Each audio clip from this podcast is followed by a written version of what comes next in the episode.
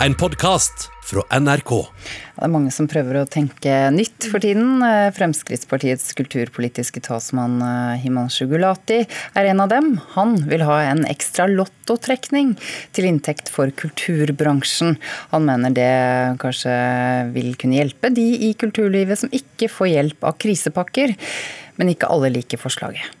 Tallet er 27. 16. Tallet er 16. Slik er man vant til å høre lottotrekningen hver lørdag fra Hamar. Noen heldige blir lottomillionærer, og millioner av kroner går til idrett, kultur og frivillighet.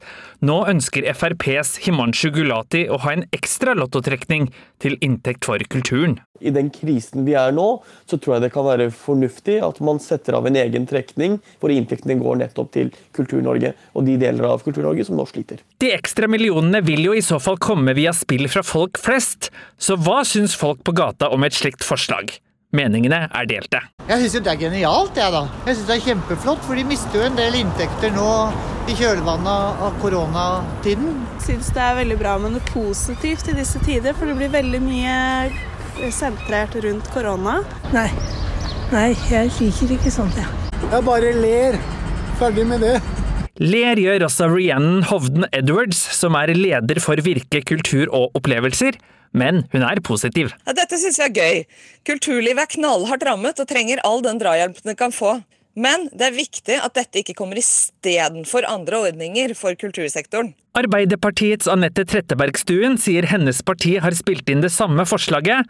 Hun stusser over at forslaget nå kommer fra Frp, som hun mener ikke står opp for kulturen. Jeg kunne ønske at Frp eh, ga Arbeiderpartiet drahjelp når vi vil at eh, regjeringa skal legge penger på bordet for å hjelpe idretten og kulturen. Ikke at eh, folk som nå sitter hjemme og kanskje er ekstra sårbare for avhengighet, skal måtte betale for kulturen gjennom, gjennom spillemidlene. FrPs Gulati mener imidlertid man nå må tenke litt utradisjonelt. Ja, jeg mener at vi også må tenke utenfor boksen, og, og håper at kulturministeren synes det er en god idé.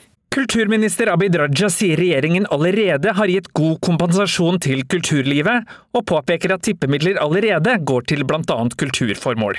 Han mener det er viktig å huske på at Norsk Tippings hovedoppgave er å sikre ansvarlige pengespill, ikke oppfordre til mer pengespill. Men flere folk på gata hadde gladelig kjøpt en ekstra lottokupong for å støtte kulturen. Jeg spiller lotto, så jeg ville spilt der òg. Så da kan både du bli millionær og støtte kulturen? Ja, uten å bli millionær. Kunne du da vurdert å spille Lotto? Absolutt. det har jeg ikke tatt stilling til ennå. Reporter var Knut Øyvind Hagen. Koronaepidemien påvirker oss alle for tida. Karanteneregler, hjemmeskole, to meters avstand til andre enn familien er noe vi må leve med denne våren 2020. Noe av alt dette som ingen kunne ha forestilt seg, kommer vi til å huske godt, men noe kommer også til å bli glemt. Derfor så er du i studio nå, direktør Olav Årås ved Norsk Folkemuseum. Hva er det dere skal gjøre?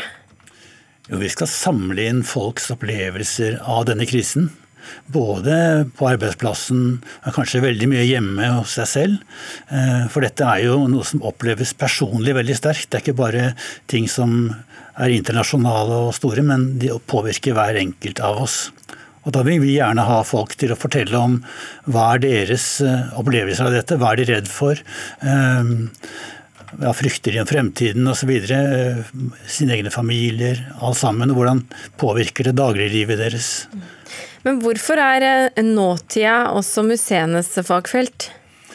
Jo, det er vel noe som er kommet de siste 20-30 årene. At vi har begynt å samle parallelt med den tiden vi lever i. Fordi ting endrer seg så fort. Mediebildet er så stort. Og, og eh, tingene rundt oss, boliger, alt vi har rundt oss, det forandrer seg. Og det er jo vår oppgave, iallfall som folkemuseum, å fortelle om dagliglivet og hverdagene til folk. Og da må vi inn i nåtiden, for om fem år bare så er det helt forandret, og så er det glemt, og så blir historien en annen.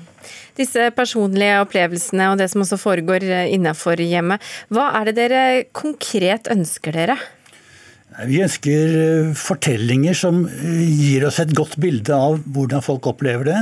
Hvordan det forandrer livene deres eh, i forhold til det de levde for bare altså noen uker siden. Og så vil de selvfølgelig følge det videre fremover og se hva skjer etterpå. Vi deler jo mye på sosiale medier. Kunne ikke bare ha lånt noen tilfeldige personers Facebook-feed?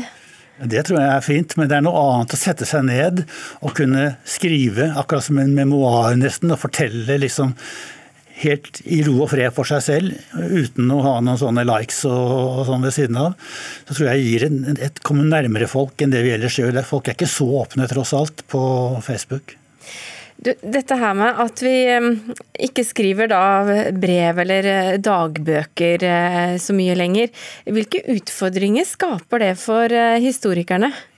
Det er veldig vanskelig. og Hele den digitale verden er jo en utfordring for oss. Det er jo en fantastisk ting, men den er, iallfall de sosiale mediene er jo langt mer flyktige enn brevene og dagbøkene, som du sier.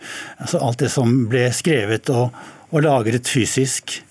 Vi har et eller annet oppi en sky kanskje, som vi har glemmer etter hvert. Og så har vi en, en disk som krasjer, og så har vi Så, så dette blir mye mer flyktig. Mm. Og så er det ikke så farlig om eh, i en dagbok om folk liker det eller ikke. Nei. Men du, eh, rent praktisk, hva vil dere at folk skal gjøre? Ja, vi har den appen som heter mindre.no. Eh, og Der vil vi at folk skal gå inn, og så skal de fortelle hva de vil omkring livene deres nå, eh, og hva som forandrer det og hva som preger det i den tiden de lever i nå. Og Da kan de velge om de vil at dette skal offentliggjøres, eller om de bare vil ha det lagret. og Da vil det bare bli tilgjengelig for forskning senere. og vil det, en, eh, vil det gå en 60 års tid før vi kan eh, offentliggjøre det, med mindre de gir tillatelse til det. Mm. Men hvordan sikre at hele samfunnet speiles her, da?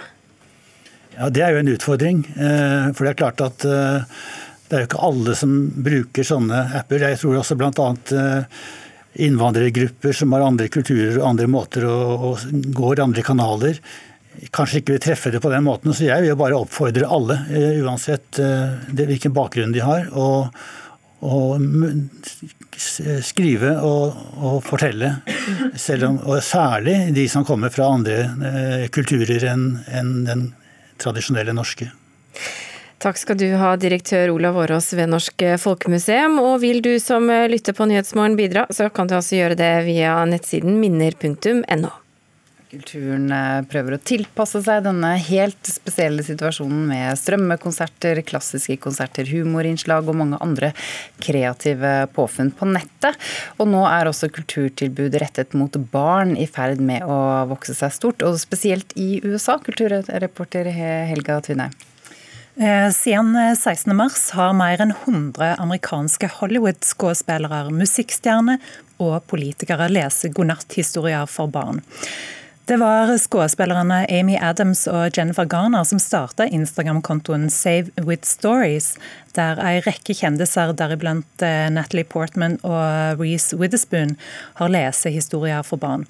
Og Målet er å gi barn et tilbud eh, under koronakrisa, men også å samle inn penger til veldedige organisasjoner for barn. Flere titalls millioner amerikanske barn er så fattige at de har, eh, er helt avhengige av maten de vanligvis får på skolen. Og noe av pengene går til matprogram som er retta mot disse barna som nå ikke får mat på skolen under koronakrisa. Så hvor populært er dette i ferd med å bli? På to uker har Instagram-kontoen fått 140 000 følgere, og ifølge The Guardian har videoene blitt sett 27 millioner ganger. Og det har kommet 18 000 donasjoner. Vi skal høre at også Dolly Parton eh, engasjerer seg for eh, barna nå under eh, koronakrisen. Hello, I'm Dolly Parton, the book lady from the Imagination Library. I want you to join me April the 2nd when I start Good Night with Dolly. I'm going to be reading some stories from the Imagination Library. Fra i dag skal altså Dolly Parton lese høyt fra barnebøker på YouTube. Eh, ja, det stemmer. Det har eh, hun skrevet på Twitter og forplikta seg til det. Men dette er ikke noe nytt. Hun er kjent i USA for den yngre generasjonen for, som The Book Lady. Hun starta en veldedig organisasjon allerede i 1996 som heter Imagination Library. Et initiativ for barn som ikke har råd til bøker, eller som av en eller annen grunn ikke kommer seg til biblioteket. Men fra i dag av så kommer vi altså med et ekstra tilbud under koronakrisa. Mm. Dolly Parton er i vinden for tiden. Takk, eh, kulturreporter Helga Tune. Den eh, Oscar-nominerte dokumentarfilmen For Sama skildrer eh, liv og død ved et provisorisk sykehus i Aleppo under den syriske borgerkrigen. Denne filmen skulle egentlig hatt kinopremiere forrige helg, men siden alle kinoer fortsatt er koronastengte, så har den nå fått digital kinopremiere hos strømmetjenestene Nettkino og SF Anytime. NRKs filmkritiker Birger Vestmo har sett filmen. بحلب مدينتي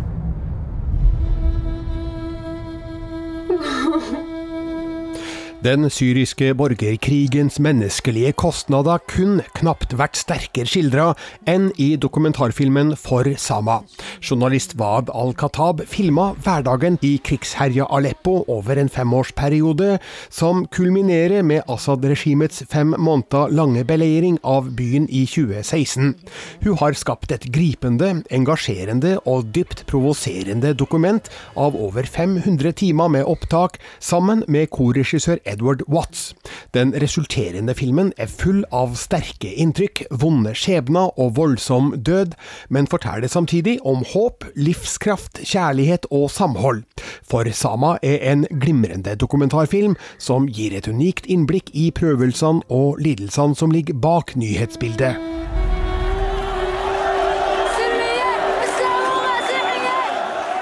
لسه مصور هذا الشيء اللي عم بيخلي معنى لوجودي Yo, Al-Khatab er gift med legen Hamza, som driver et av Aleppos provisoriske sykehus med flere av sine venner.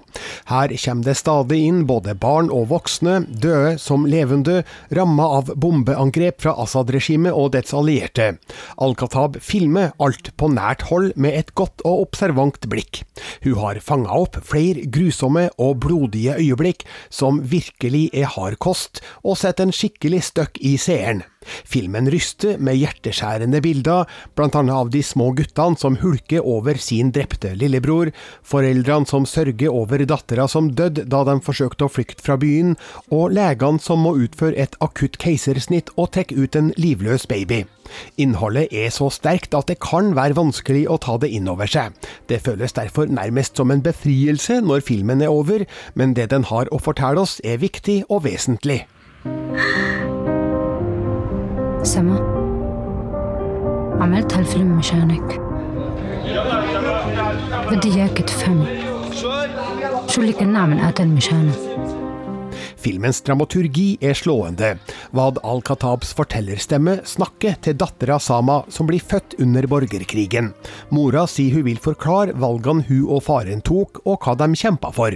Det er vanskelig å forestille seg motet som Wad og Hamza al-Khatab måtte utvise for å bli værende og risikere både datteras og sine egne liv for å hjelpe borgerkrigens ofre.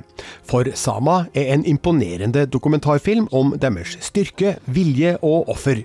Det er òg et sterkt vitnesbyrd som fordømmer verdenssamfunnets likegyldighet til Aleppo-innbyggernes lidelser. Terningkast seks.